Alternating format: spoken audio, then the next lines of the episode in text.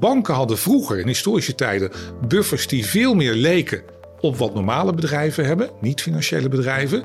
En dat is mede door dat ingrijpen van de overheid, is dat dus extreem gedaan. Tot maar totdat de problemen in Amerika begonnen, waren de banken in Europa actief bezig met een zeer sterke lobby om te zorgen dat die buffers niet verder nee. omhoog gaan. We nemen op dit moment zeer grote risico's met de stabiliteit van het internationaal financieel systeem. En wat het IMF ook in zijn laatste Global Financial Stability rapport afgelopen april zei, is jongens, we moeten niet achterover gaan leunen. In 2007 hadden we ook turbulentie in de financiële sector. En toen dachten we dat het voorbij was. En een jaar later kwam de klap met Lehman. Het is niet evident dat die euro over tien jaar nog bestaat. Nee, zeker niet. Ja? En we hebben natuurlijk in uh, dat eh, debat gehad in de Tweede Kamer. Ja, daar was je ook bij. Ja, die, en daar hebben we dat punt ook gemaakt. En dat zeg ik dus niet omdat ik, niet omdat ik zou willen dat de euro valt. Maar ik zeg, we moeten dus in actie komen.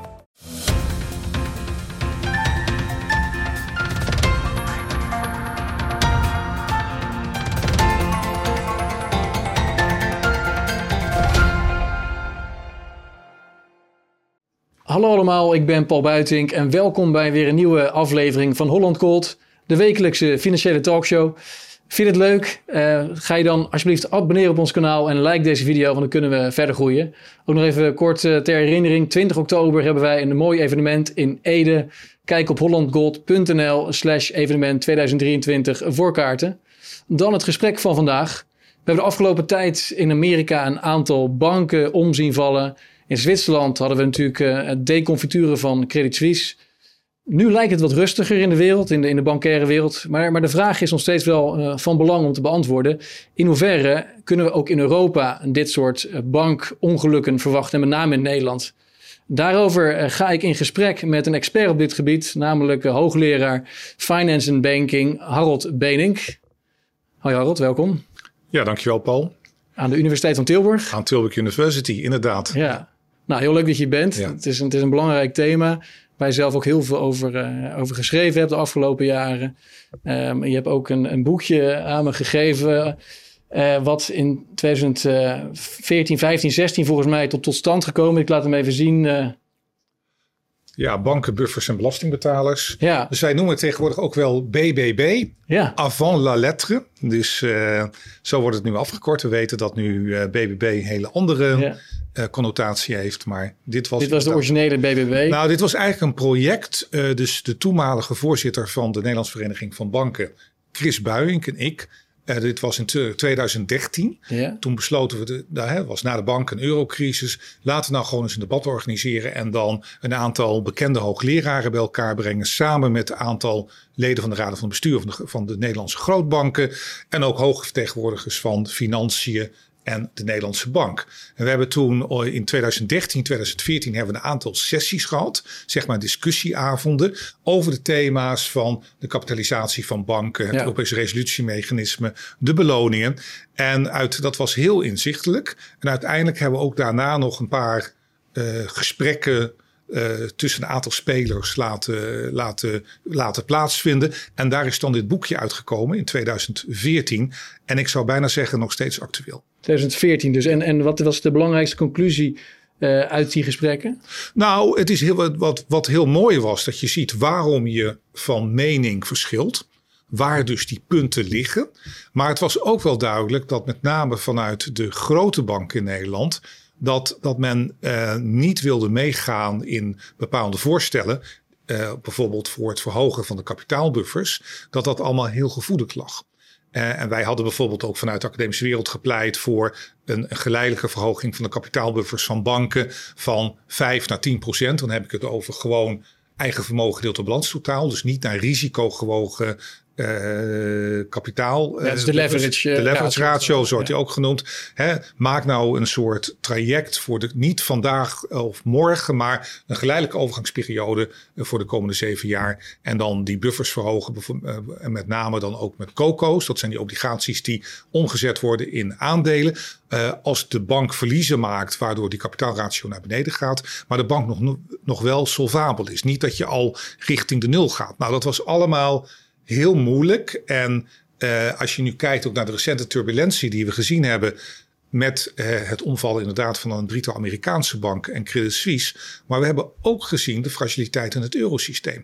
Want bij de grootbanken in Nederland, maar ook in Duitsland en Frankrijk, Spanje en Italië, hebben allemaal eind maart, hè, dat dramatische situatie met Deutsche Bank, hè, dat er heel veel onrust was, zaten ze allemaal op een koersdaling van de aandelen van 15 tot 20 procent. Dus het is niet zo dat er in de eurozone niets gebeurd was. Iedereen stond op scherp en terecht om te kijken van slaat het over? Hè, met name naar Deutsche Bank. Um, maar ja, kijk, als dat te lang duurt, dus dat er zorgen zijn over de banken, dat hebben we in 2008 gezien, nou, dan gaan die aandelenkoersen onderuit. Dan gaan ook de, uh, de, de, de, koersen van obligaties onderuit. En dan krijg je toch op een bepaald moment dat de houders van grote rekeningen, dus ver boven de depositogarantie. Hè, dus bedrijven die daar miljoenen, tientallen miljoenen hebben. Die dan zeggen van nou, misschien moeten we toch maar uh, preventief dat geld gaan terugtrekken. En als dus dit te lang duurt, nou als dat gebeurt, gaat die vertrouwenscrisis nog groter worden. En voordat je het weet, heb je een bankrun, heb je inklappende aandelen, koersen. En zoals we met Fortis hebben gezien in 2008, dan is er nog maar één ding wat de overheid kan doen. En dat is die bank dan redden. Ja. Het is gelukkig niet gebeurd, maar ook in de eurozone hebben we grote spanningen gezien in het financiële systeem de afgelopen maanden. En nog even terugkomen op dit boek dan. Had je, voor die tijd waren er dan geen uh, gesprekken tussen uh, academici en bankiers over uh, kapitaalseisen, over zeg maar pre-2013. Dus zeker wel, zeker wel, zeker wel. Maar toen was dus eigenlijk, ehm, ik ben zelf bijvoorbeeld in 1996 dus ben ik gepromoveerd op een proefschrift aan de Universiteit van Maastricht. En dat heette Financiële Fragiliteit. En toen ik daar de eerste helft van de jaren 90 mee bezig was, hè, de kwetsbaarheid van het financiële systeem, toen was het eigenlijk in de ogen van bankiers, maar ook wel van de toezichthouders, een non-issue. Dus men zei, ja, maar luister eens even. Dit was natuurlijk ook de revolutie in de jaren 80, 90. Hè. Vanuit wetenschappelijke literatuur kwamen natuurlijk steeds betere modellen om risico's in te schatten, te kwantificeren, te prijzen, te diversificeren. Hè. Dus, uh, en dan kreeg je ook nog dat computertechnologie verbeterde hè, met snellere computers, waardoor je ook complexe asset pricing modellen uh, kon doorrekenen. En eigenlijk toen ik in de eerste helft van de jaren 90 mee bezig was, ook, in de, ook aan de wetenschappelijke kant, meer de neoclassieke kant van de financiële markten. Waar mensen zeggen, ja, die risico's kunnen gewoon worden, perfect worden ingeschat en gediversificeerd. Dus uh, fragiliteit is dus eigenlijk geen, geen issue. Maar ook de bankiers zeiden dat. Uh, maar ook de toezichthouders. Dus ja, misschien, maar we zitten er bovenop. Uh, nou, en dit was dus voor twaalf jaar voor Lehman. En ik heb toen in Amerika met veel uh, hoogleraren daar gesproken aan de neoclassieke kant. Maar bijvoorbeeld Hyman Minsky, die later weer heel bekend is geworden met zijn financiële instabiliteitshypothese. Dat is een financieel systeem in goede economische tijden. Eh, wat gebeurt er dan? Krijg je overoptimisme, worden te veel risico's genomen. Die risico's worden ondergeprijsd. Denk aan de subprime crisis, de, de, woninghypotheek in Amerika in de aanloop na de crisis van Lehman in 2008. En dus elke en op een bepaald moment worden die posities te hoge leverage, risico's ondergeprijsd uh, leidt dat tot een financiële crisis. Dus financiële, een, fase van financiële stabiliteit creëert zijn in, inherente financiële instabiliteit. Nou, Hyman Minsky die is later weer gerehabiliteerd, maar die werd ook daarin niet serieus genomen. Dus ik was er al lang mee bezig. Ik heb toen ook na mijn proefschriftperiode, een Amerikaans voorbeeld, een, een comité opgericht van Europese hoogleraren uh, vanuit tien Europese landen. Dus we hebben eigenlijk sinds 1998 heel vaak policy statements, beleidsaanbevelingen uitgegeven over de buffers van banken, de zogeheten Baselse akkoorden, Basel 2 en Basel 3. Ook veel met bankiers gesproken en toezichthouders. Maar het is heel moeilijk om dit punt zeg maar uh, voor het voetlicht te krijgen. Zolang het goed gaat. Uh, uh, ja, zolang het goed gaat. En ja, de belangen liggen, het is ook een belangenconflict. Want op korte termijn is het natuurlijk zo, return on equity ja. Het rendement op eigen vermogen. Als je een aantal jaren te veel risico neemt, eh, relatief veel risico neemt en die aandelenkoers gaat in eerste instantie omhoog omdat men denkt, uh, ja, die toenemende winstgevendheid heeft vooral te maken met briljante uitzettingen van de banken en niet met te veel risico nemen. Ja, dan gaan in een aantal eerste jaar de aandelenkoers omhoog. Dus uh, aandeelhouders die korte termijn gericht zijn, kunnen dan geld verdienen. Maar ook het topmanagement, voor zover de beloningen zijn gekoppeld aan die performance op de korte termijn kunnen ook heel veel geld verdienen. Dus die gaan dat, die hebben daar dus eigenlijk geen belang bij. Nee, en de bank hebben natuurlijk een, eh, een sterke lobby, wat Hans Hogevorst eh, ook aangaf laatst in het gesprek wat jij samen met hem had in de Nieuwe Wereld. Ja, ja. Dat ze ook een rol spelen, maar dat is dan met name richting de politici. Maar, maar eh, dus tussen, tussen academici en bankiers was vooral in eenrichtingsverkeer. Dus jullie gaven wellicht allerlei suggesties die de bankiers niet ja, maar zelfs de academische wereld was dus in die eerste fase, of vooral in de jaren negentig, was toch wel heel erg uh, op dat, die revolutie in finance, van die nieuwe uh, modellen, risicomodellen en de risico's te kunnen kwantificeren en te prijzen. Opsplitsen, uh, securitisatie. ja, alles al heel groot optimisme daarin. Dus eerlijk gezegd, ook in de academische wereld merkte ik, wat ik deed was eigenlijk een soort niche. Terwijl als je nu recente publicaties leest van het Internationaal Monetair Fonds, het Global Financial Stability Report, dan gaat het over increasing vulnerabilities, increasing uh, fragilities. Dus het woord fragiliteit van het financiële systeem is nou eigenlijk gewoon usance geworden, maar dat was het 30, 20, 30 25 jaar geleden totaal niet. Dus de academische wereld is nu ook wel meegegaan, maar die heeft het ook in mijn optiek gewoon in eerste instantie onderschat. Ja, maar je ziet in, in, de, in het boek, als ik het lees, is er best wat overeenstemming tussen wat, wat bankiers vinden en wat de academici vinden en ook beleidsmakers. Namelijk dat in principe de, de buffers uh, omhoog moeten gaan. Alleen het is best wel een, een, een moeilijk thema, omdat je zoveel verschillende soorten buffers en kapitaalvormen hebt. Je hebt dan enerzijds je common equity tier 1, en dat is echt het, uh, je eigen vermogen feitelijk. Um, vervolgens heb je dat gewogen en ongewogen. Je hebt dan additional tier 1, dat zijn die coco's. Je hebt tier 2. Het is A voor de leek al heel moeilijk te volgen. Maar B, ik kan me voorstellen dat het ook tot heel veel verwarring leidt bij beleidsmakers, academici en bankiers zelf. Over welke vorm moet je nu precies pakken en wat is, is effectief genoeg en wat niet. Ja, um, Maar de rode draad lijkt wel te zijn dat de buffers omhoog moeten. En dat is ja, nu wel de toezichthouders. Hè. Ik denk de gemiddelde toezichthouders dat ook zo vinden, maar ook, uh, ook in de wetenschap. Maar die visie wordt dus niet gedeeld in het bankwezen. En sterker nog, eh, net voordat die problemen in Amerika begonnen, waren de grote banken in Europa aan het lobbyen uh, in het Europese parlement tegen de volledige invoering van het Basel III-akkoord. Basel IV zit inmiddels toch al? Nou, sinds 1 januari dit jaar zou het de komende. Basel, uh, Basel IV bestaat niet. Dat is iets wat de banken, bankiers zeggen.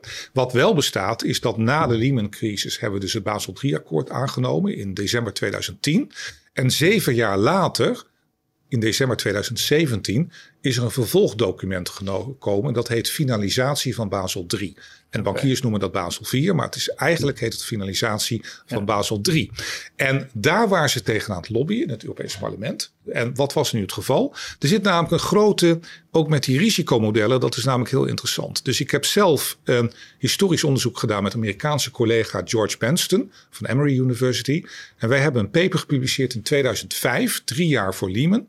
En toen hadden we dus een, uh, een paper geschreven waarin ook een historische evolutie wordt gekwantificeerd van de kapitaalbuffers, kapitaalratio's van grote banken in tien Europese landen.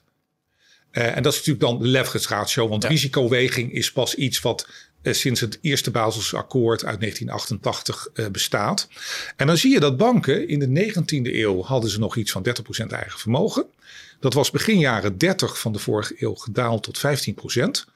Nou, toen kregen we de grote bankencrisis, de Great Depression, bankaire problemen. Toen leden banken heel veel verliezen. Ja, heel veel verliezen en faillissementen. Dus meer dan nu eigenlijk. Zelfs met hogere buffers kan je stellen van toen was het eigenlijk niet eens beter. Nou, toen was dus is een goed punt. Dus toen is, zijn die banken enorm onderuit gegaan. Hè? Dus uh, met hogere buffers.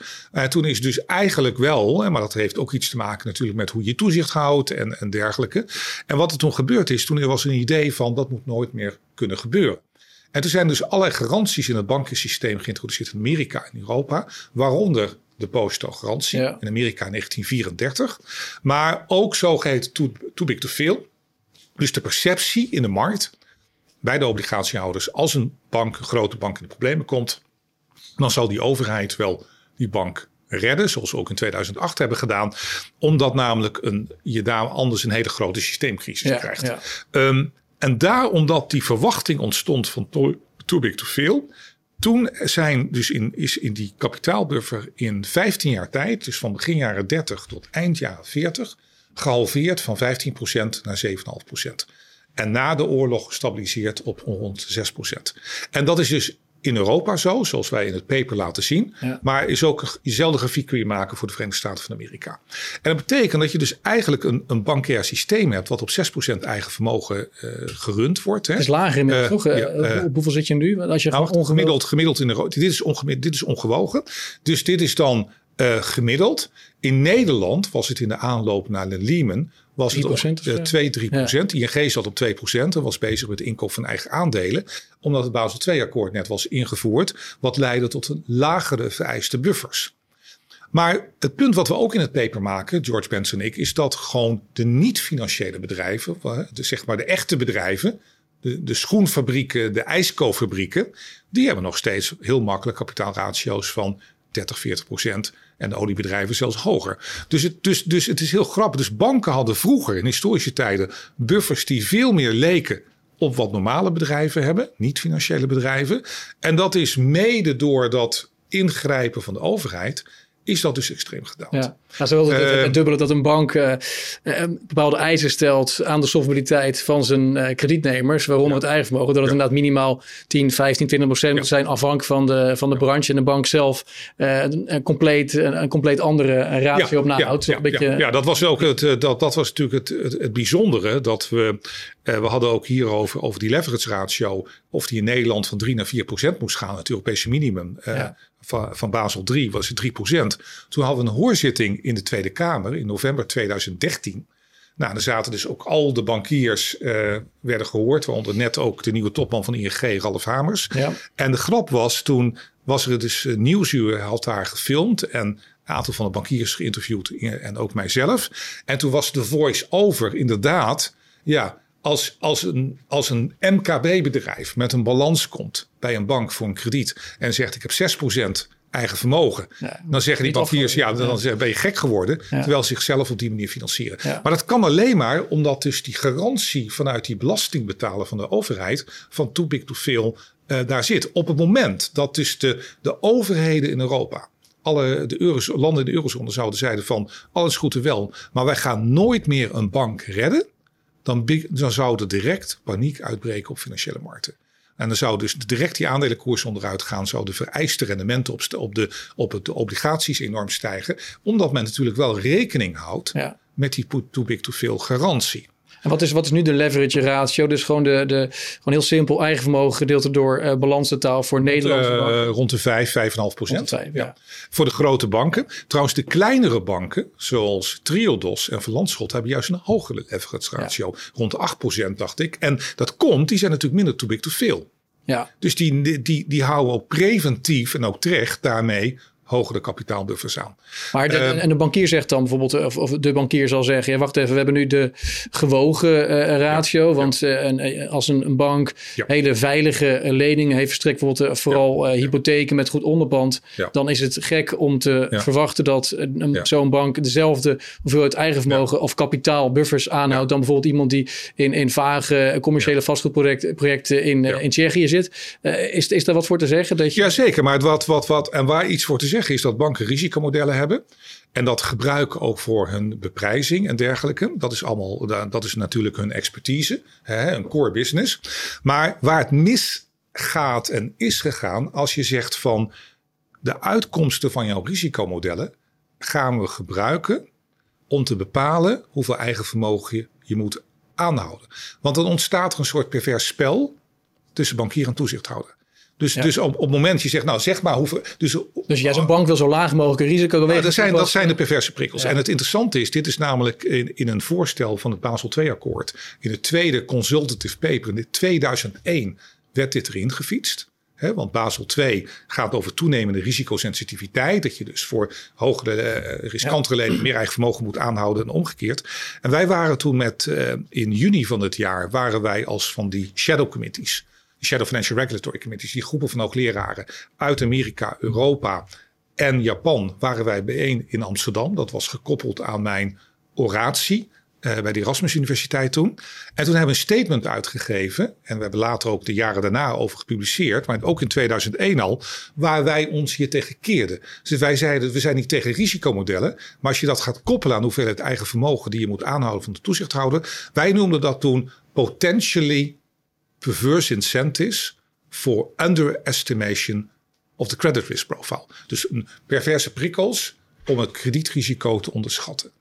En maar neem voor uh, ING. ING ja, had die, die natuurlijk in de problemen gekomen toen bij de vorige crisis vanwege die portefeuille van leningen in de Verenigde Staten, die Alt-A-leningen. En volgens de eigen risicomodellen van ING zou er ook weinig verlies op worden geleden. Uiteindelijk is er ook zelfs winst op gemaakt volgens mij. Maar omdat, het, omdat de prijs daarvan ineens zo hard onderuit ging in de markt en het was een, een verhandelbare asset, uh, moest er op een gegeven moment worden, een, een lening worden verstrekt vanuit de overheid. Maar Zeker. Maar had dan niet gewoon de centrale bank toen uh, een, een, een, een lening uh, kunnen verstrekken aan ING met, met het onderpand, zonder dat daar de Nederlandse staat bij, uh, bij had hoeven komen te kijken? Ja, maar het ging om een solvabiliteitsprobleem. Dus de centrale bank mag alleen maar liquiditeitssteen ge geven bij solvabele banken. Maar het ging er natuurlijk om dat die verliezen. Markt markt moesten ja, ze nemen. Ja, nee, maar dat die verliezen potentieel. Kijk, en je weet het niet precies. Het is natuurlijk paniek en onzekerheid. En waar het om gaat, is dat je op dat moment suprem dat er paniek in de markt is. Wat we laatst ook weer gezien hebben bij, bij, bij, hè, bij Deutsche Bank, ja. die Swiss. Dat je in de ogen van beleggers in die bank voldoende vet op de botten hebt. En,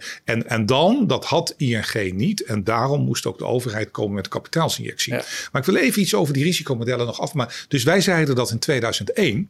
Toen werd dus en het idee van Basel II-akkoord met die, met die modellen was eigenlijk van uh, banken met een hoger risicoprofiel moeten meer eigen vermogen aanhouden. En banken met een lager uh, risicoprofiel minder. Ja. Maar grosso modo zou de hoeveelheid eigen vermogen die banken in het systeem moeten aanhouden gelijk blijven. Nou, toen werd Basel II ingevoerd in 2008. Dat was dus net, toen zaten we in die eerste fase van de kredietcrisis. Banken waren al gestopt met elkaar geld uitlenen. Mooie timing, ja. oh, ja. altijd. Dat was al, in Amerika hebben ze toen Basel II niet ingevoerd in januari 2008. Juist omdat ook een aantal toezichthouders zorgen hadden over de kwaliteit van interne modellen. In Europa en Nederland dus wel. En wat je zag, alle, bijna alle grote systeembanken in Europa rapporteerden fors lagere vereiste kapitaalbuffers. Dus de hele opzet van Basel Twee, dat, dat, dat risicosensitiviteit, sommige banken meer eigen vermogen en andere maar gemiddeld, banken gemiddeld gelijk. Blijven grosso modo gelijk, is niets van terechtgekomen. Dus gingen allemaal naar beneden. En dat is ook wel duidelijk, want banken hadden natuurlijk enorme prikkels om dat te doen. Ook in Nederland hebben de grootbanken tientallen miljoenen geïnvesteerd in de modellen. Maar de uitkomst was natuurlijk wel heel erg gericht op het naar beneden brengen van de buffers. En begrepen die toezichthouders uh, de modellen überhaupt wel? Ja, nou, maar zo'n ongelijke strijd. Want die banken, of, ja, of die banken nou uh, 100 man ervoor moeten invoeren. Ja. Uh, of, de beste jongetje van de of, uh, of, uh, of 20, 30 ja. of wat dan ook. Dat is een ongelijke spel tussen toezichthouder en bankiers. En dat is toen in, voor een deel rechtgezet in dat zogeheten Basel 4 document. Dus finalisatie van Basel 3 in november, in december 2017. Waar eigenlijk de toezichthouders het volgende zeggen. Banken, jullie mogen je interne modellen gebruiken. Maar als de uitkomst te bond wordt dus met andere woorden, dat je ten opzichte van een gestandaardiseerde benadering die we hebben om risico te kwantificeren, te veel naar beneden gaat. En dat noemen ze dan onder 72,5% van de standaard benadering van risicoweging. Dan is dat het absolute minimum. De bodem, de floor. Um, en ook in, het, in wat wij toen dus in 2001 noemde potentially perverse incentives, om het risico te onderschatten, noemen zij nu, die toezichthouders, gaming manipulation en calibration. Als je dat gewoon op je laat inwerken. Dus het spel, de game, dus dat de, dat de banken proberen het, die modellen te gamen, ja. om zodanig te manipuleren en te kalibreren, om de uitkomst zo te plooien, om de hoeveelheid kapitaal die ze moeten aanhouden naar beneden te halen. Ja. Dan zeiden wij het nog heel erg ja. uh, rustig, maar wij zeiden het dus al 16 jaar eerder dan die toezichthouders in het document van Basel, van Basel 4 in, uh, in eind 2017. Ja. En dat is toch wel aardig. En dat kon je niet omdat wij daar zo, zeg maar, deze groep van hoogleraren uit Japan en Amerika en Europa zo briljant waren daarin. Maar dit kon je gewoon voorzien als je gewoon kijkt naar de incentive structuren die je eigenlijk in die nieuwe regelgeving leidt. En nu zijn we bezig met het uitrollen van dat finalisatie van Basel 3 met die floors. En begin dit jaar waren dus de grote banken vanuit Nederland, maar ook Duitsland en Frankrijk. Dus nog net voordat dat probleem met Silicon Valley en de andere banken in Amerika begon, waren ze dus hard bezig bij het Europees Parlement. Want het Europees Parlement is dus dat Basel III nu aan het doorvertalen naar Europese regelgeving. En, dus willen, en, ja, nou ja, of ze willen uitzonderingsbepalingen dat voor bepaalde kredietportefeuilles niet geldt, dat er een langere uh, uh, periode van invasiering is. Dus tot Maar totdat de problemen in Amerika begonnen, waren de banken in Europa actief bezig met een zeer sterke lobby om te zorgen dat die buffers niet verder nee. omhoog gaan. Dus we, en, en dat het Hoe hoog moeten die buffers worden wat jou betreft? Nou ja, maar, nou, maar dat is dus nou, dat is het verhaal wat we hebben. Kijk, je staat nu op 5%. Ja. Wij hebben ook toen ook in die tijd, in 2014, op zijn minst gezegd. Nou, vanuit dat onze de groep van Europese hoogleraren die ik voorzit, maar ook in Nederland bijvoorbeeld vanuit Sustainable Finance Lab, de club van duurzaam papieren, die opgericht is door Herman Wijfels en Peter Blom. Wij hebben gepleit voor een op zijn minst richting 10%. Hè, en dan op termijn, na een overgangsperiode van zeven jaar, inclusief dan die COCO's, die obligaties die dan worden omgezet uh, in aandelen als het bij de bank tegenzit. Ja. Um, dus op zijn minst, maar ik denk, hè, nou, het liefst zou ik liever gaan naar dat uh, op termijn naar 15%. Maar laten we eerst gewoon eens die 10% doen. En dat is dus al bleek dus politiek en ook in de bankwezen niet mogelijk. Dus een verdubbeling van wat je nu hebt eigenlijk. Een verdubbeling wat je nu hebt. Een ongewogen ratio van 5% en 10%. Ja, ja. En die risicoweging, maar even omdat wat, die risicoweging om het verhaal wat ik net hielde, hield, is dus, dus zeer problematisch. Omdat er dus alle incentive effecten zitten, perverse prikkels. Um, dat gaat nooit werken. En By the way, er is ook geen enkel bedrijf, als je kijkt naar bedrijven als Shell, die een, die een kapitaalratio hebben van boven de 40%, is geen enkel bedrijf waar we, waar we praten over wat is de risicogewogen kapitaalratio van Unilever of Shell. Dat is helemaal niet aan de orde. Dus het is echt iets, bijna een anomalie wat we in dat bankentoezicht hebben geïntroduceerd, wat heel veel perverse prikkels heeft gecreëerd en wat eigenlijk langzaam maar zeker van tafel zou moeten. Ja, maar bankiers dan zeggen, ja, maar als ik een, een, een eis heb van, van 10% uh, eigen vermogen ja. um, en er wordt niet per se gekeken naar hoe je het gaat wegen, dan is er al voor een bank een incentive om juist heel veel risicovolle assets uh, op de balans te zetten en krediet en dat noemen we dus risicovolle leningen uit te verstrekken. En dat noemen we dus regulatory capital arbitrage. Om, dan ga je dus arbitreren tussen die kapitaaleisen. Um, dat geldt natuurlijk ook voor Shell en Unilever. Hè? Dus als zij dus, um, maar wat je dus hier moet hebben is dan, dan moet je dus ook meer marktdiscipline hebben. Dus op het moment dat je dus banken hogere kapitaalbuffers hebben, moeten aanhouden, zeg 10%. En je hebt het ook met via die COCO's. Die, die, kijk, wat het grote probleem is met waarom die. Kijk, marktdiscipline is natuurlijk dat beleggers in banken, maar ook bijvoorbeeld in Shell of Unilever, prikkels hebben om de risico's van een bank, van een bedrijf in de gaten te houden. En hoe het werkt is dan als een bedrijf of een bank meer risico gaat nemen, dan gaan die obligatiehouders zeggen: stel je hebt obligaties gekocht van zo'n bedrijf, dan zeg je ja, maar luister eens even. Dit is niet in ons belang. Want je risicoprofiel gaat omhoog. Nou, als het de goede kant van de kansverdeling naar voren komt, dan verdient het bedrijf heel veel geld. Nou, dan gaat de winst omhoog. Dat kan misschien nou, mooi naar de aandeelhouders. De aandelenkoers gaat omhoog. Maar de obligatiehouders die een obligatie hebben gekocht voor 5% in een bank of in, in, in Shell of Unilever, die krijgen niks extra's. Dus die hebben, profiteren niet van de upside potential. Maar hoger risicoprofiel betekent natuurlijk dat, dat die bank eerder in de problemen kan komen. En, was, en desnoods failliet zou kunnen gaan. Waardoor zij als obligatiehouders uh, met verlies moeten, moeten bloeden. Dus wat is marktdiscipline? Dat je dan zegt, als een bedrijf meer risico neemt, dan ga je zeggen, ja, maar wacht eens even, voor ons als obligatiehouders is dit een slechte deal. Dus reduceer het. Nou, als dan het bedrijf dat niet wil, dan zeg je, ja, dan moet je hogere kapitaalbuffers aanhouden om ons te beschermen tegen hogere uh, tegen hogere uh, kans op verliezen. En als je dat niet wil, dan is natuurlijk de, gaan dus die obligatiehouders een hogere risicopremie, hoger geëiste rendement. Maar, maar dat is toch dat, dat, dat geldt. Maar dat geldt toch sowieso? Daar, ja, daar heb je toch geen, daar heb je toch geen, uh, geen kapitaaleisen vanuit de overheid? Nou, ja, maar, in, in, principe geldt het zo als, als, maar, je, als je allemaal vrije banken hebt en dan zal de aandeelhouder. Ja, maar die hebben we dus niet. Die hebben we dus niet. Kijk, en het punt is, als dus banken too big to fail zijn, dan zijn die, eh, die prikkels dus verstoord. Want die obligatiehouders die denken, ja, maar wacht eens even, kijk, als uh, Fortis of ING of wat dergelijke in de problemen komt, het zal nooit zo ver gaan dat die bank dan in resolutie wordt geplaatst en een soort financiële herstructurering doormaakt waarin wij verliezen moeten uh, dragen. Dat is in 2008 natuurlijk niet gebeurd, want er werd gewoon een kapitaalinjectie vanuit de overheid gedaan.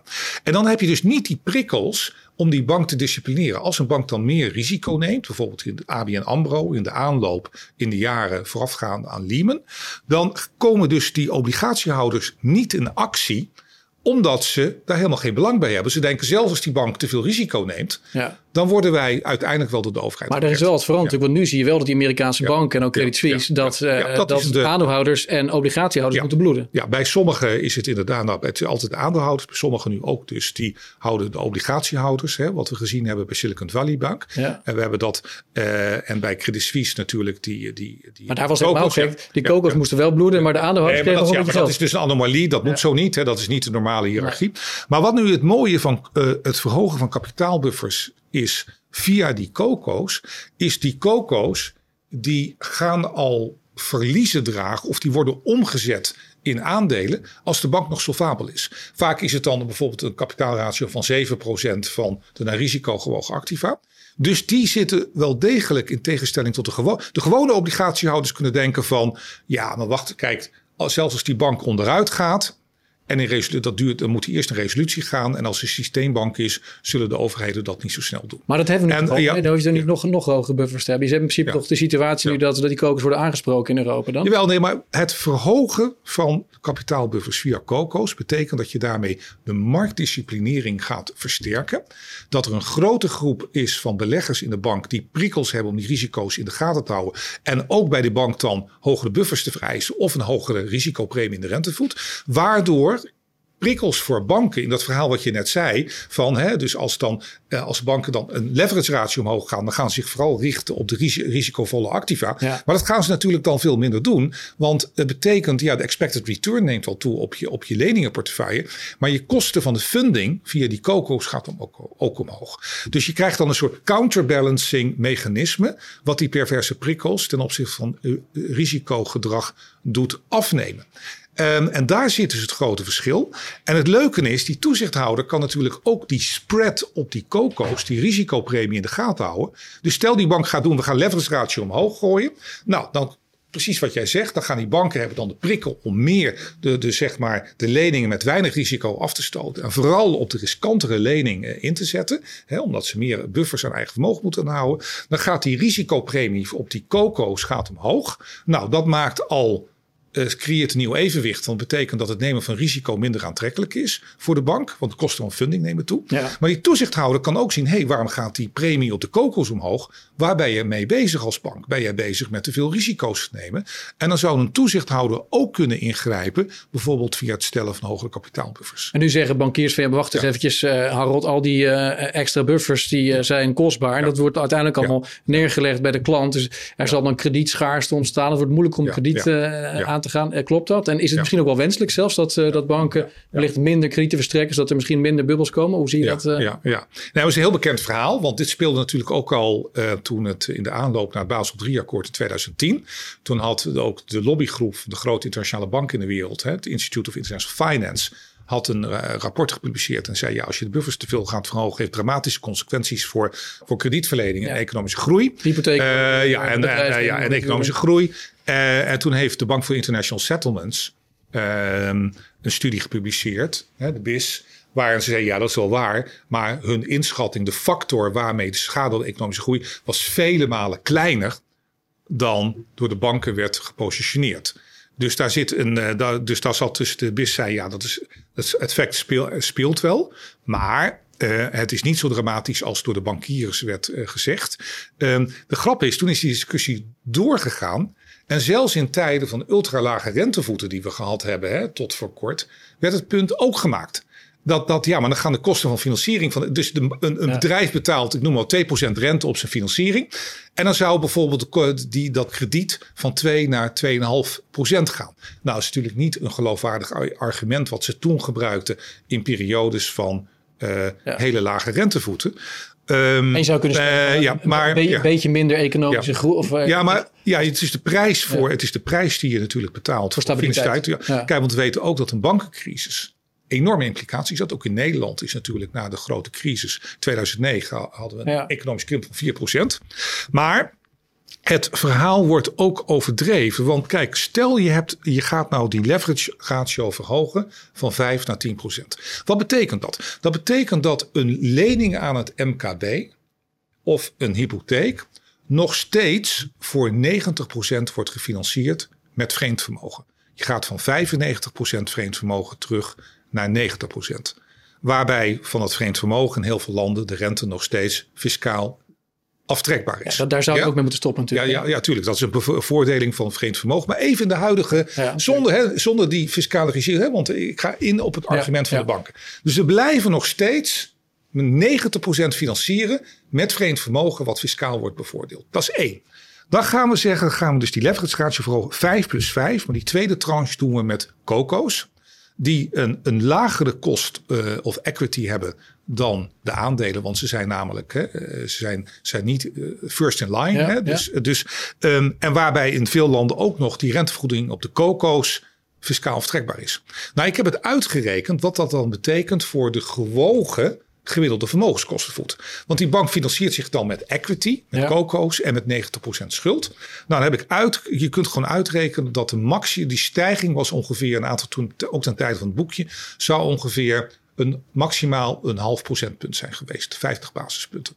Nou, dat, en dat, toen waren de rentes voeten historisch laag. Maar zelfs nu, kijk, de grootste deel, waarom zijn die rentes gestegen? Omdat de centrale banken natuurlijk massief de rente omhoog brengen. Om de inflatie te bestrijden. En daar is wat bij voor te stellen. Maar om nou te zeggen dat, dat de hele kredietverlening en de economische groei uh, echt, zeg maar, de, uh, dramatisch wordt gematigd door een stijging van de financieringskosten met maximaal 0,5 procent, is natuurlijk gewoon ja, niet reëel om dat te zeggen. Nee, en, en nogmaals, uh, het zou natuurlijk ook zo kunnen zijn dat je dan, als je de afgelopen jaren um, hogere buffers had gehad en misschien wat duurder krediet, dan hebben we ook niet een enorme hypotheek- en huizenboom gezien in Nederland. Nee, nee, dus, en wereldwijd. Maakt de toppen lager en, en de dalen ja, maak ja, je Kijk, want als, als er één groot probleem is, waar het ook het IMF nu voor waarschuwt, is natuurlijk die enorme schuldenberg in de wereld. Zeker in tijden van snel oplopende rentevoeten. Want wat is er gebeurd? De crisis van Lehman in 2008 was een kredietcrisis. Het had iets te maken met slechte kredieten, die uh, uh,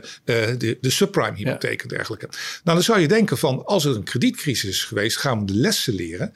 En dan gaan we dus gewoon die kredietverlening wat verminderen. Nou, precies het tegenovergestelde is gebeurd. In 2008 waren de wereldwijde schuldratio's, dus dan nemen we de schuldratio's van de gezinnen de bedrijven, de overheden, uh, plus de financiële sector samen. En dat was ongeveer 260% van het wereldwijd nationaal inkomen. In 2020, net toen corona begon, 300. was het 320. Ja. En dat komt natuurlijk mede ook door die enorm lage rentevoeten. En in de coronacrisis gingen banken, gingen er ook overheden meer lenen. Is het 350 procent. Ja. Dus, dus, en dus oplopende schuldratio. we zijn verslaafd. Ja, en, en dat komt dan mede door uh, die enorm lage rentes. Dus, dus ook het argument, dus als een klein beetje door, door om, om safety te genereren in het bankaire systeem, in het financiële systeem. En we gaan die buffers verhogen en daardoor moeten banken aan gezinnen voor de hypotheken of aan bedrijven 0,5% hogere rente uh, zeg maar vragen. Wat relatief heel gering is als je kijkt wat de rentevoeten nu doen. Um, maar als dat daartoe zou leiden dat er minder gemakkelijk geleend wordt, dan is dat zeker in de huidige situatie helemaal geen slechte zaak. Nee. En want die, die hoge schuldratio's nu van 350% van, uh, van het wereldwijd nationaal inkomen. Kijk, je kunt nooit, is gewoon een uitdrukking weer van fragiliteit, van kwetsbaarheid. Dat wil niet zeggen dat het uit elkaar barst. Maar in een wereld dat het, dat het zo hoog is en de rente al blijft stijgen, zijn er zorgen natuurlijk over het feit dat heel veel van die financiële posities wellicht niet houdbaar zijn, nemen alleen maar toe. Ja. En de kans op een financiële crisis neemt daarmee ook toe. Ik wil niet zeggen dat het gebeurt. Nee, uh, maar de kan, ja. ik zeg ook wel eens met bloeddruk. Nou, je hebt een, iemand heeft een bloeddruk van 180. Zeg ja, een beetje te hoog. Nou, gaan we naar 200. Ja, vervelend. 220, 240.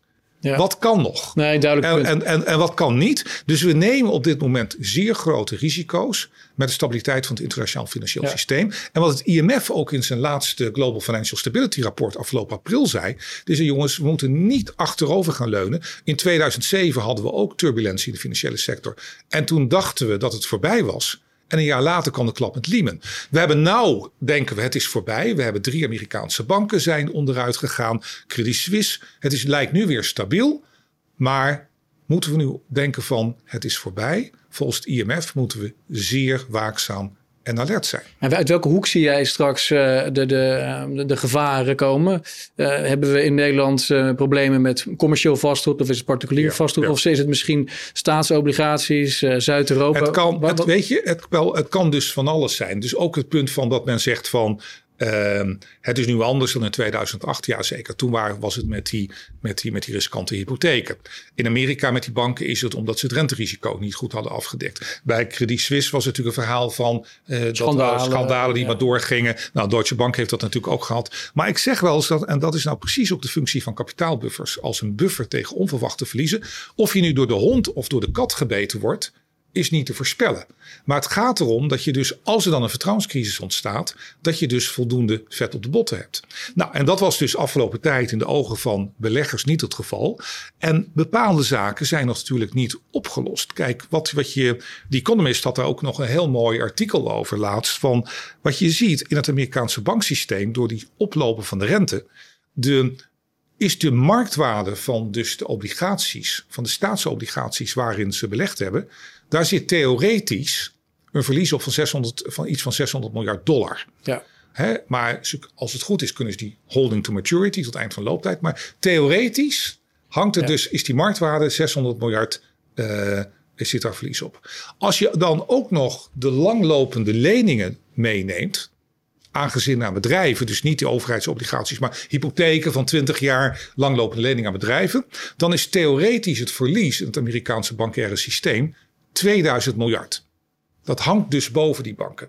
Weet je wat het kapitaal is van het Amerikaanse bankwezen? 2000 miljard. Dus het is net zo groot als die theoretische verliezen. Nou, dan zou ik bijna zeggen, hadden we maar die leverage ratio verdubbeld, dan hadden ze niet 2000 miljard gehad, maar 4000 miljard. Nou, dus dat hangt boven die banken. En, en, en, en Silicon Valley Bank, die moest dat toen verkopen. Die, moest toen, uh, die, heeft toen die, sta, die, die had die liquiditeitsrun. Ja. En dan ging ze die obligatie met verlies verkopen. En dan hadden ze verlies. Al die Silicon Valley ondernemers die trokken geld weg. En, ja, ja en, en toen moesten ze die liquiditeitsbuffers aanvullen die ze niet hadden.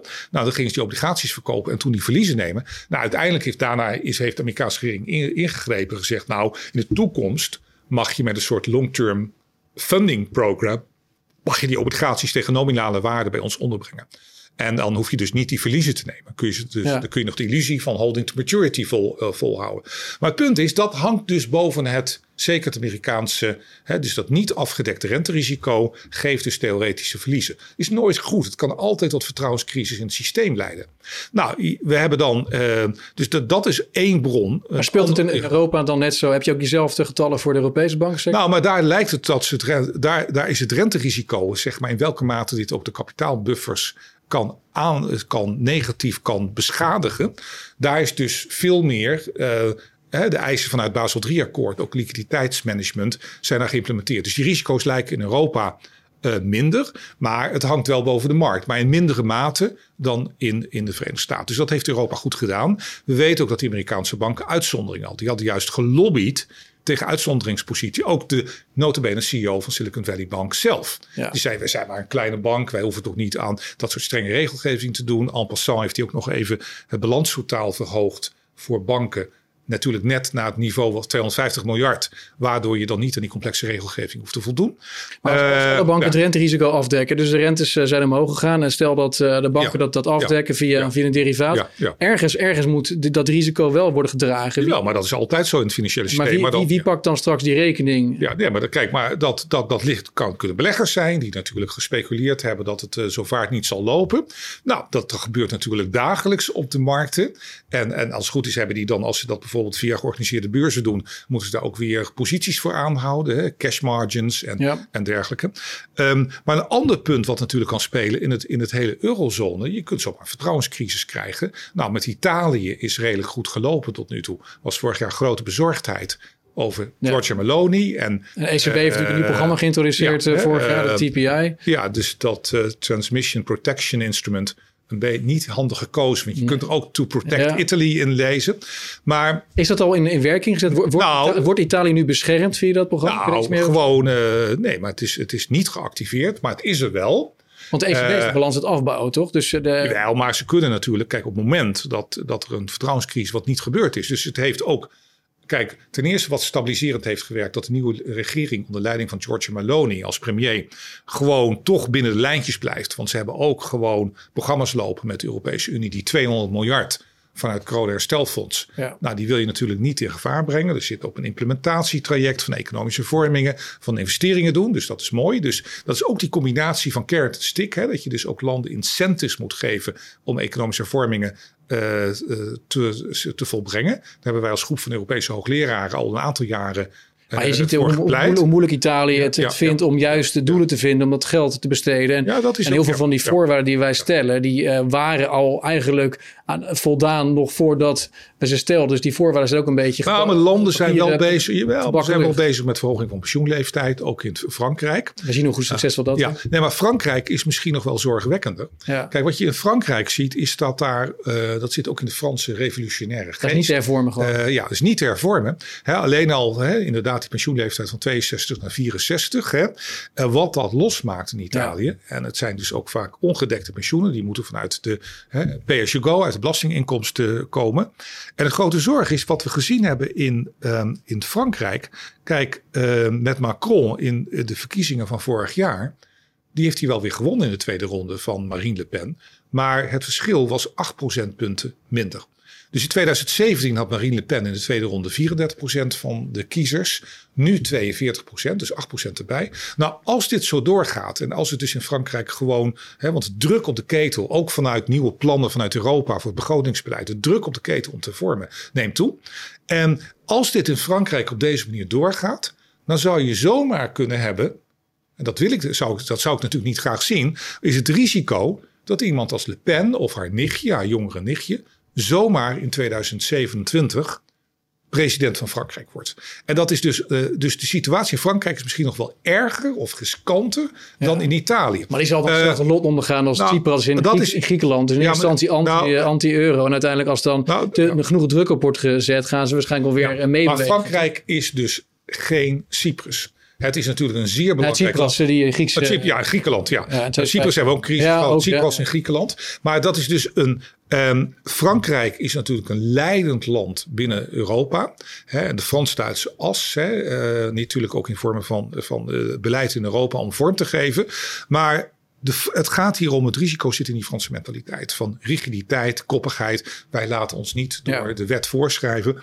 En als je een president zou uh, krijgen in Frankrijk. die eigenlijk gaat uitstralen. ja, maar aan die Europese regels gaan we ons uh, niet zoveel van aantrekken. Kijk, uiteindelijk kun je het altijd redden vanuit uh, de Europese Unie en de ECB. Maar dan moet een land wel, wat we ook bij Cyprus en Griekenland hebben gezien, hè, zich wel aan bepaalde afspraken houden. Ja. Van hè, fiscale discipline, economische vormingen. Maar als dus een regering komt die zegt van misschien gaan ze door de bocht, maar misschien niet. En, en dan zou je dus een enorme vertrouwenscrisis in het eurosysteem kunnen krijgen. Die je ook overslaat op de banken. Want de banken hebben nog steeds, wat eigenlijk niet moet, belegd in de staatsschuld. Ja, dat is de, de doemloop. Ja, dat is de doemloop. Uh, dan krijg je een gecombineerde euro- en bankencrisis. En dan is de, zou je een crisis kunnen krijgen die groter is dan wat we met Lehman hebben gezien. Is dat het grootste risico wat jou betreft voor de Europese banken? Dat nou ja, we moeten dat daar heel erg gaat ja. bij, bij, de, bij de landen zelf en te veel schuld. nou, je ziet dus gewoon dat Italië tot nu toe heel erg goed meevalt. Dus dat is uh, goed om te zien. Dus het geven van incentives via bijvoorbeeld het kroonherstelfonds is een hele belangrijke. Frankrijk is dus ongewisser op dit moment. Je ziet hoe moeilijk het daar is om überhaupt hervormingen door te voeren.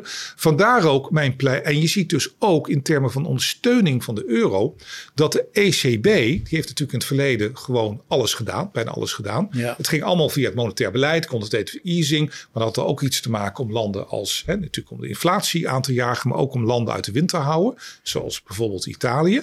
Maar, maar de ECB kan natuurlijk nu minder doen, Tuurlijk, omdat die inflatie moet gaan bestrijden. Dus je moet eigenlijk die fiscale pilaar, die budgettaire pilaar, dus die risicodeling op Europees niveau qua fiscaal beleid, zul je moeten versterken. Je pleit voor meer Europese fondsen, grotere ja, fondsen. Ja. En er zijn verschillende manieren om dat te doen. Kijk, het corona-stelfonds is ook een element van fiscale risicodeling. En er zijn dus grote ambities in Europa. Als je nou kijkt ook naar de aanleiding van de oorlog in de Oekraïne. Hè, er wordt gesproken over een Europees defensiebeleid. Nou, er wordt gesproken over Europees migratiebeleid. Maar wat denken we aan klimaat? Duurzaamheid, maar, die energie, digitalisering. Die, die, vlucht naar voren. Hè? Ik, als, je, als je kijkt in, in Italië, wordt er behoorlijk wat van die corona miljarden verspeeld. Het gaat ook op naar, corruptie. Er zijn allerlei malle ideeën ingediend voor de bouw van een aantal stadia. En, een aantal van die stadions zijn dan weer van, van, de, van de agenda verdwenen. Maar er, wordt, er is een heel erg groot risico op verspilling en corruptie. Als we dan nog meer geld die kant op sturen. Denk je dat binnen Nederland daar voldoende steun voor is bij het electoraat? ja, nee, maar kijk, wij moeten gewoon... Ik zeg wel eens van... Het is niet evident dat die euro over tien jaar nog bestaat. Nee, zeker niet. Ja. En we hebben natuurlijk in uh, dat eh, debat gehad in de Tweede Kamer. Ja, daar was je ook bij. Ja, die, en daar hebben we dat punt ook gemaakt. En dat zeg ik dus niet omdat ik, niet omdat ik zou willen dat de euro valt. Maar ik zeg, we moeten dus in actie komen. Die, ook die euro, niet alleen het bankwezen, is buitengewoon fragiel. Het is een incomplete monetaire unie. Maar je pleit voor meer schuld feitelijk op Europees nou, niveau. Ja, ja, maar... Net zei je, te veel schuld is juist een... een ja, ja, maar je moet het in ieder geval... Kijk, we hebben grote ambities. Bijvoorbeeld op klimaat en duurzaamheid. Hè. Dan kunnen wij in Nederland enorme investeringen gaan doen. Klimaatfonds hè. En Duitsland ook, want we hebben laag, relatief lage staatsschuld. Dan gaan wij dat doen. Gaan wij investeringen, gaan wij die investeringen doen, gaan we CO2 verlagen. Maar als Italië of Frankrijk dat willen doen. Nou, dan ten eerste, als je kijkt naar staatsschuld, kunnen ze dat maar in mindere mate. Nou, dat is dan ongewenst, want dan zitten wij CO2 te verlagen. Maar in uh, Zuid Zuidelijk Europa niet. Dat zet geen zoden aan de dijk. Ja, maar dat, dat uh, sowieso over Europa versus China, Amerika en die andere landen. wij kunnen die hele mooie ambities hebben, wij. Maar ik denk dat de meeste uh, mensen, ook in Nederland, die ambities steeds minder delen. Want die rekening wordt hoger en hoger. Volgend jaar een miljoen mensen in de armoede. In hoeverre zijn die duurzame ambities en doen ja, wel ja, ver, verkoopbaar okay, in Nederland? Maar we moeten het even, even de vraagstelling zuiver houden. Kijk, als je zegt van, we hebben met die duurzaamheidsambities daar stoppen we mee, is een ander verhaal. Of, of wie past het aan? ik zie ja, Lex Hoogdan is ook erg kritisch over wat voor invloed het heeft op inflatie en op, op de koopkracht. Maar, oké, maar, dat, maar op een bepaald moment maak je een keuze voor bepaalde duur. Of hè, even los van de vraag of je nou nog ambitieuzer wil zijn of minder ambitieus. Op een bepaald moment maak je een keuze. Ja? En dat moet Europees gebeuren. Want het heeft geen zin dat wij het doen in Nederland en Duitsland en de rest van Europa niet. Dus dat is het belang. Dan is de vraag van hoe gaat Frankrijk en de rest van Zuidelijk Europa dat doen? Gaan ze hun staatsschuld verhogen? Nou, daar ben ik dus zwaar op tegen. Want dan ga je natuurlijk gewoon die problemen krijgen. Dat je die onderliggende dynamiek in de eurozone, dat die staatsschulden al te hoog zijn. Dan maak je nieuwe crisis in het eurosysteem des te waarschijnlijker. Dan is de andere manier dat ze het niet gaan doen. Maar dan heeft het ook geen zin dat wij het allemaal gaan doen. Want dan zijn wij CO2 aan het verlagen en zij niet. Nou, dan is de derde oplossing om het pan-Europees te doen. Nieuwe pan-Europese investeringsfondsen à la corona herstel. Die zal eenmalig zijn, hè? Coronafonds ja, eenmalig zijn. en Rutte heeft natuurlijk in het verleden gezet. Ook in, ook het is een one-off. Hij zei, hij, het is een one-off. Maar het is ook een one-off. Daarvoor zei hij zelfs, er gaat überhaupt geen, geen, geen eurobonds uh, komen. En uiteindelijk zie je toch iedere keer dat, dat, dat de, bakens worden verzet. Maar... Ja, ja, het is one-off. Want het coronaherstelfonds is dus bedoeld om eenmalig natuurlijk die uh, landen te helpen om die schade, economische uh, schade te, te facen die ja, maar het wordt, het wordt, gebruikt om een, groep, uh, een andere agenda. Ja, nee, maar een, een nieuw pan-Europees investeringsfonds, bijvoorbeeld voor klimaatambities of voor digitalisering, is uh, ook eenmalig. Ja, het is maar natuurlijk dat, dat is maar net hoe je dat natuurlijk ziet. Hè? Um, maar denk nou eens even aan het volgende. Stel dat we nou, we zien de opwarming in Zuid-Europa. In Italië, nou Spanje zien we de grote droogte op. Stel we gaan heel Zuid-Europa volzetten met zonnepanelen. Ja? Dat is een groot Europees belang, ook voor Nederland. Nou, dan moet dat daar geïnvesteerd worden. Dan moet ook de, al die energie moet naar Noord-Europa, naar Duitsland, Nederland worden getransporteerd. Nou, we hebben de elektriciteitsgrids niet. Of je moet het omzetten in waterstof. ja, op, uh, dat vergt massale investeringen. Het is in mijn optiek uh, uit te leggen, ook aan de Nederlandse kiezer, dat je zegt: we gaan nu gezamenlijk dit in Europa doen. Om ons minder afhankelijk te maken, bijvoorbeeld van wat, uh, wat met Rusland gebeurd is met gas. We gaan massaal inzetten op zonne-energie van Zuid-Europa en dat gaan we Europees investeren. Dus niet Europees geld aantrekken, eurobonds, om pensioenen en uitkeringen in Italië te betalen. Nee, dat is niet, te doen. maar om investeringen te doen. En volgens mij kun je dat verhaal wel aan de Europese kiezer uitleggen. Als je zegt, als we dit willen, dit is de manier om het te doen. Want het is niet een, we kunnen dit ook niet ieder zijn deeltje tot aan de grenzen, noem maar op. Eh, want dan kom je in het probleem met landen met hoge staatsschuld die dat het eigenlijk niet kunnen. En het heeft nog een ander voordeel. Want financiële markten zullen dit dan zien als een blijk van commitment aan de euro. Dit is een versterking van de fiscale pilaar van de euro. Want als wij in een soort spel blijven zitten, ja, iedereen heeft zijn. We hebben één munt van 20 landen, de euro. En maar iedereen is totaal verantwoordelijk voor zijn eigen staatsschuld, ook al loopt het uit de hand. Dan krijg je natuurlijk een verhaal van dat dat gewoon niet stabiel is. Dat is heel dan uh, fragiel voor vertrouwenscrisis. En dan moeten we weer met allemaal noodmaatregelen komen om het in de lucht te houden. En dan moet Rutte zich weer verontschuldigen. En dat het allemaal niet zo bedoeld was. Maar die euro is dus heel instabiel. Die is fragiel. En het mooie van het om die fiscale pilaar te versterken en daarmee ook de euro, is als je het koppelt via die pan-Europese investeringsfondsen, dat je dan ook een aantal belangrijke Europese ambities, denk aan duurzame energie, maar denk ook aan IRA, de Amerikanen die dan hun eigen bedrijven gaan subsidiëren om, bepaalde duurzame... Inflation Reduction Act. Ja, ja, Inflation Reduction Act. Om dat dan, te, wat een hele rare naam is natuurlijk. Maar eh, om dan in, op duurzaamheid, op elektrische auto's, op batterijen in te zetten. Kijk, als wij het niet doen, je kunt zeggen dit is, dit is eigenlijk staatssteun. China doet het. Tuurlijk, nee. Maar wat er gebeurt, er gaan gewoon Europese bedrijven gaan gewoon een productie in Amerika brengen. Ja, dus de helft daar, Duitse, Duitse onderneming was al dat aan het overwegen. Dus maar, is het niet zo dat je dan, het is wel, betekent wel weer een, een extra overdracht van meer soevereinteit naar Brussel. Zou je zoiets niet moeten voorleggen aan het volk dan, überhaupt?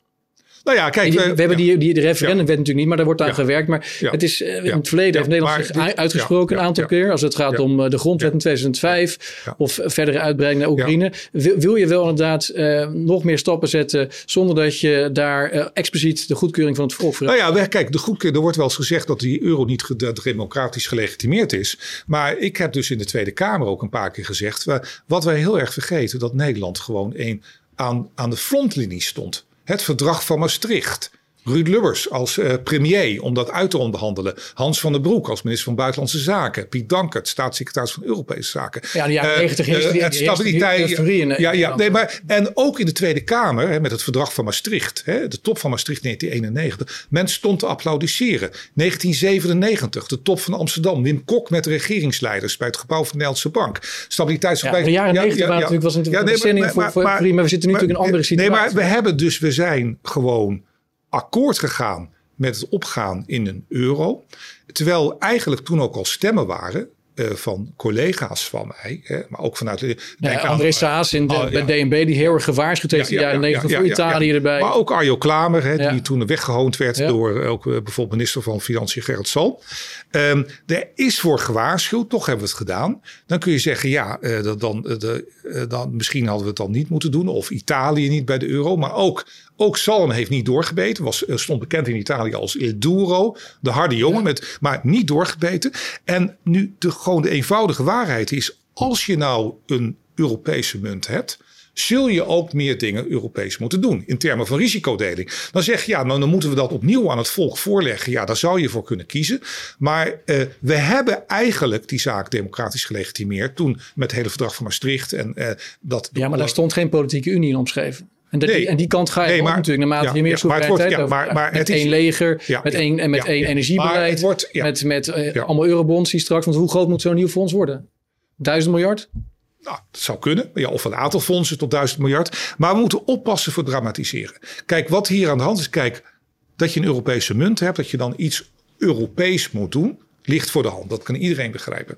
In Amerika, wat natuurlijk één land is met één munt, een federatie, daar wordt op het niveau van Washington DC, op het federale niveau, wordt ruim 30% van het nationale inkomen uitgegeven door de federale overheid. Dus als er dan bijvoorbeeld in Californië de werkloosheid uh, toeneemt, dan gaan de werkloosheidsuitkeringen vanuit de centrale belastinginkomst vanuit Washington naar Californië. In de Europese Unie, in de eurozone, zitten we iets boven de 1%. 1%. In Amerika is 30%. Waar ik dus helemaal niet voor pleit dat we naar 30% gaan. Ik pleit er niet eens voor dat we naar 20% gaan. Ik pleit er niet eens voor dat we naar 10% gaan. Maar je kunt je voorstellen dat als je zo'n munt wat stabieler wil maken, dat je misschien van 1 naar 1,5% moet gaan of naar 2%. Die orde van grootte. Dat is dan geen federatie. Dat is geen Europese politieke unie waar je ook een zeg maar, centraal gezag hebt in, in, in, in Brussel. Dat is niet eurobonds. Landen blijven nog steeds een nationale staatsschuld staatsschuld ter financiering van, van onderwijs, uh, pensioenen en uitkeringen. Zelf blijven ze daar verantwoordelijk voor. Dus we moeten het niet dramatiseren dat dit betekent dat we dan direct in extreme vorm naar een politieke Maar de Europese Commissie gaat obligaties uitgeven en die kun je ehm, zien als eurobonds natuurlijk. Jawel, dat, dat is Europees schuldpapier door de Europese. Dat kun je eurobonds noemen, maar het is niet bedoeld om lopende uitgaven in euro. Dus, de, dus deze punten die je noemt, dat is ook dat is heel mooi dat je ze noemt, want het zijn allemaal punten waardoor deze discussie heel weinig zakelijk wordt gevoerd, kan worden gevoerd. Want we zijn nog lang niet op weg naar die politieke unie met de Centrale Europese uh, regering, waarbij het grootste deel, eh, zeer groot gedeelte van, uh, van de overheidsuitgaven via Brussel geleid wordt. Het is gewoon niet aan de orde op dit moment. Nee. Ja. ik ben een democraat, dus als, als de meerderheid hier hiervoor is, dan uh, heb ik... Ja, maar de vraag is dan met dit soort dingen... Hè, dat, ik vind het te belangrijk om dit nu nee, weer... Nee, maar daarom is het goed dat ook de debat, die hoorzitting in de Tweede Kamer en het debat met elkaar geplaatst is, geplaatst heeft gevonden. We moeten wel, kijk, een referendum lijkt leuk, maar we hebben ook met het Brexit-referendum gezien hoeveel met uh, ook op feitelijk onjuiste uh, dramatiek dat gevoerd is. Hè? Dus de, de, de ja, maar als je kijkt naar het referendum in Denemarken, op basis waarvan besloten is niet toe te treden tot de euro. En dat, Ik denk dat zij daar hebben al met, maar, met enige. Uh, maar het grote verschil, het verschil, er zit, uh, zit wel een verschil tussen of je beslissing neemt van niet toetreden. Of, ergens uittreden. Ja. Wij zitten nou eenmaal. Maar ik heb niet over uittreden. Ik heb het over niet verder vergroten. Dat kan natuurlijk ook een. een... Jawel, nee, maar oké, dat fair punt. Maar het punt is natuurlijk dat het zeer fragiel is en dat je dan de kans loopt dat het gewoon uit elkaar gaat spatten. Ja. En als het uit elkaar valt doordat wij daarvoor zouden kiezen via een referendum, of omdat er een financiële crisis uitbreekt in het eurosysteem die we niet, waarvoor geen politieke bereidheid meer is om die te managen. Dan valt die euro uit elkaar. En dat zal dus de economieën van landen als Duitsland en Nederland bijzonder hard raken. Wij krijgen dan de munt die veel sterker is dan we eigenlijk nu hebben. want wat was de... Maar sterke met de voordelen. Kijk naar de gulden. Hebben we prima van uh, kunnen profiteren. en dat is goed voor de koopkracht. Sinds we de euro hebben is, is, is ons BBP prima gegroeid. Onze handelsoverschotten zijn groot geworden. Maar de koopkracht van de gemiddelde burger is achtergebleven ten opzichte van de groei van ons, uh, ons BBP. Ja, heeft ook iets, iets te maken met belasting en hoe je dat natuurlijk, hè, arbeid versus kapitaal. Maar weet je wat het grote verschil hier is? Kijk, toen we, vroeger hadden we de gulden aan de Duitse markt. Het zaten in het Europees monetair systeem. Toen hadden we dezelfde soort discussies. Dat landen als Frankrijk en Italië en Griekenland en Spanje en Portugal eigenlijk niet concurrerend zijn. Hè, dat de lonen en prijzen te veel omhoog gaan. En daardoor kregen ze dan tekorten op de handelsbalans. Hè, ze konden niet goed exporteren. En wat gebeurde er dan?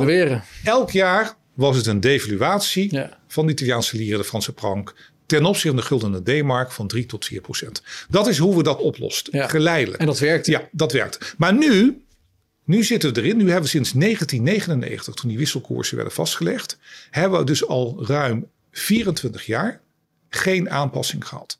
Normaal gesproken waren Duitsland uh, en Nederland dus nou, 24 jaar met gemiddeld 3% per jaar, waren wij 75% in waarde gestegen. Ja? Dat was goed geweest. Ja, ja, ja, ja geleidelijk. Maar nu ga je het opblazen. Ja. Uh, je zegt gewoon referendum, nee, dat, dat we gaan eruit. Dat nee, maar, nee, maar het is dus een big bang. Je gaat dan in één keer, ga je misschien 50 tot 75 procent in waarde stijgen.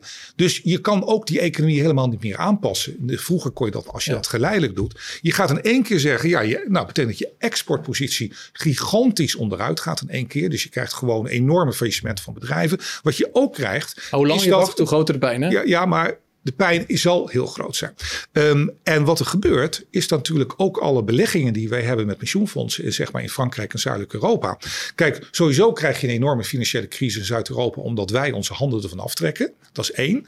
Maar dus dan gaan sowieso die in lokale valuta in lokale euro's gaan de, die waarde van die, van die aandelen en obligaties naar beneden. Maar dan krijg je ook nog het wisselkoerseffect. Dat, dat wij natuurlijk dan in een hele sterke, een zwakke valuta hebben belegd. Dus die pensioenfondsen gaan in Nederland onderuit. Dus je krijgt gewoon een enorme grote uh, financieel-economische crisis. Maar en dan, een prudent pensioenfonds zou hier al moeten anticiperen. Nou, dit, dit soort scenario's, dat, is, dat is denk ik het ondenkbare.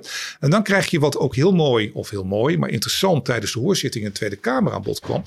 Als wij uit de euro stappen, Duitsland zal nooit met ons meegaan. Want die zijn zo verbonden met dat Europese project. Ja, dat was een goed punt van En dan komen, ja, hè, ik heb ook een notitie geschreven, de positie van Nederland in Europa. Wij denken, sommigen in Nederland denken dan, dan gaat Duitsland met ons mee. Duitsland gaat dat nooit doen. Duitsland gaat nooit meewerken aan, aan, aan een nieuwe opblazen van Europa, wat ze natuurlijk in de jaren 30 eh, en 40 hebben gedaan. Dat zal ze niet gebeuren. Dan gaan wij er eigenlijk in ons eentje uit. Want Oostenrijk, een van de andere vrekkige vier landen, gaat het natuurlijk nooit doen. Want die krijgen gewoon een telefoontje vanuit Berlijn. Uh, van, nou, uh, wie trapt hier het orgel? Nou, dan zeggen misschien Finland. Nou, Finland heeft die grens van 1300 kilometer met Rusland. Die heeft wel wat anders aan zijn hoofd om nu uit de euro te stappen. En dan gaan wij er e- in ons eentje uit. En weet je wat het dan wordt? Dan wordt het een strafexpeditie. Ja, dan word je een paar jaar. Ja, ja, en, en, dan, want wat, het Ja, en, ja. want Brexit, zoals we weten, was er al niks met euro te maken, alleen met de interne markt. Maar even omdat inter, wat er gebeurt. Maar met dit argument kun je natuurlijk voor altijd, kun je alle, dit argument kun je aan, aanhalen. En het argument wordt alleen maar sterker natuurlijk, want naarmate we langer in, in de schuldenunie zitten, uh, wordt het moeilijk om eruit te stappen. Maar het was natuurlijk ook, waarom, daarom noemden we dat ook, irrevocably fixed exchange rates, onherroepelijk vaste wisselkoers. Het was nooit bedoeld om het voor, voor 20, 30 jaar te doen. Maar de grote vraag is ook nog, als wij uit de euro stappen of in de, in de Europese Unie-lid kunnen blijven.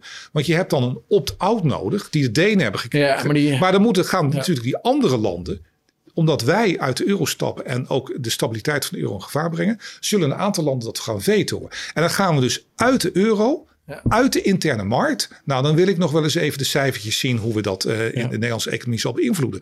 Dus ja, we zitten erin. En het is trouwens ook opvallend. Je ziet het ook bij premier Mark Rutte. Dat hij ook toch door het, het hele verhaal van, van Rusland met MH17, maar ook door de migratiestromen. Nou, de oorlog in Oekraïne, dat hij veel meer Europees is gaan denken. Nederland is voorstander Europese samenwerking op het gebied van migratie, van defensie, van klimaat en noem maar op. Dat willen we allemaal doen. Maar dan zou Nederland zijn vingertje opsteken. Maar op die euro, daar willen we dan eruit. Dat zou natuurlijk ook volstrekt inconsistent zijn met, met, met de visie die Nederland heeft op Europese samenwerking. Dat je zegt, het is superbelangrijk dat we veel meer gaan samenwerken in Europa.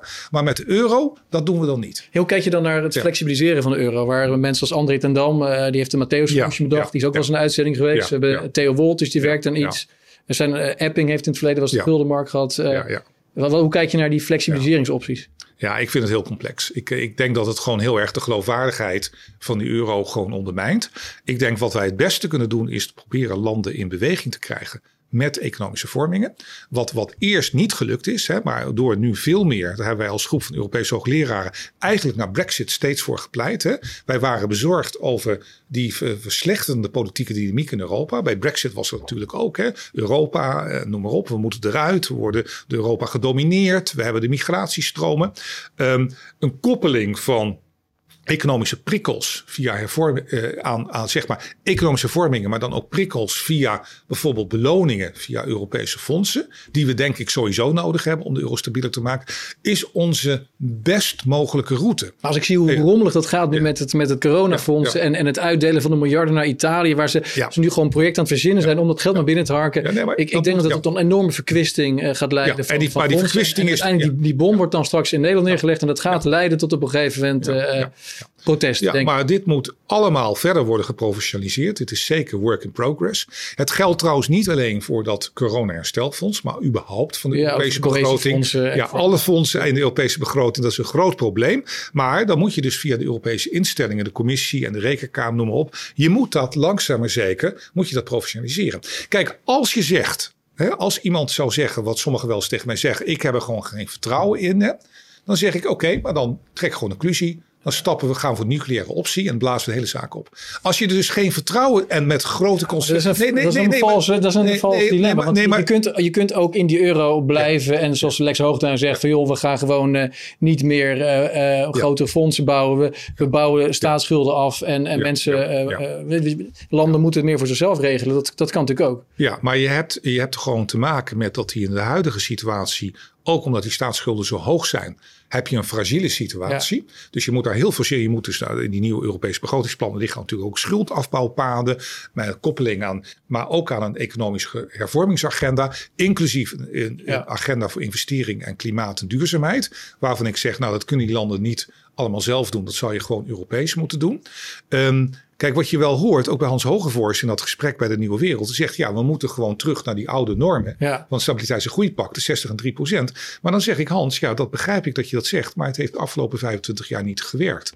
En wat leidt er nou toe dat je nou wel kan verwachten als je niks verandert in de aanvliegroute, dat het de komende 20 jaar wel goed gaat uitwerken. En als het niet goed uitwerkt, zijn die, de staatsschulden in die landen nog verder de lucht ingegaan. Ja, maar die dus nieuwe, dus ben, die nieuwe plannen leiden ook alleen maar tot hogere staatsschulden. En... Nee, nee, er zitten dus duidelijk ook uh, wat ze laten vallen in die nieuwe begrotingsplannen van de Europese Commissie van eind april, is die norm van 1 twintigste dat je dus als je boven de 60% staatsschuldquote zit, dat, je, dat je 20 jaar dat moet doen. Dat vinden ze te rigoureus. Stel dat Italië nu 140% heeft en zou naar, naar 60% dan, dan moeten ze dus 80% afboeken, 4% per jaar. Nou, ik zeg wel eens dat zou, dat dan moet ze een begrotingsoverschot creëren van 4%.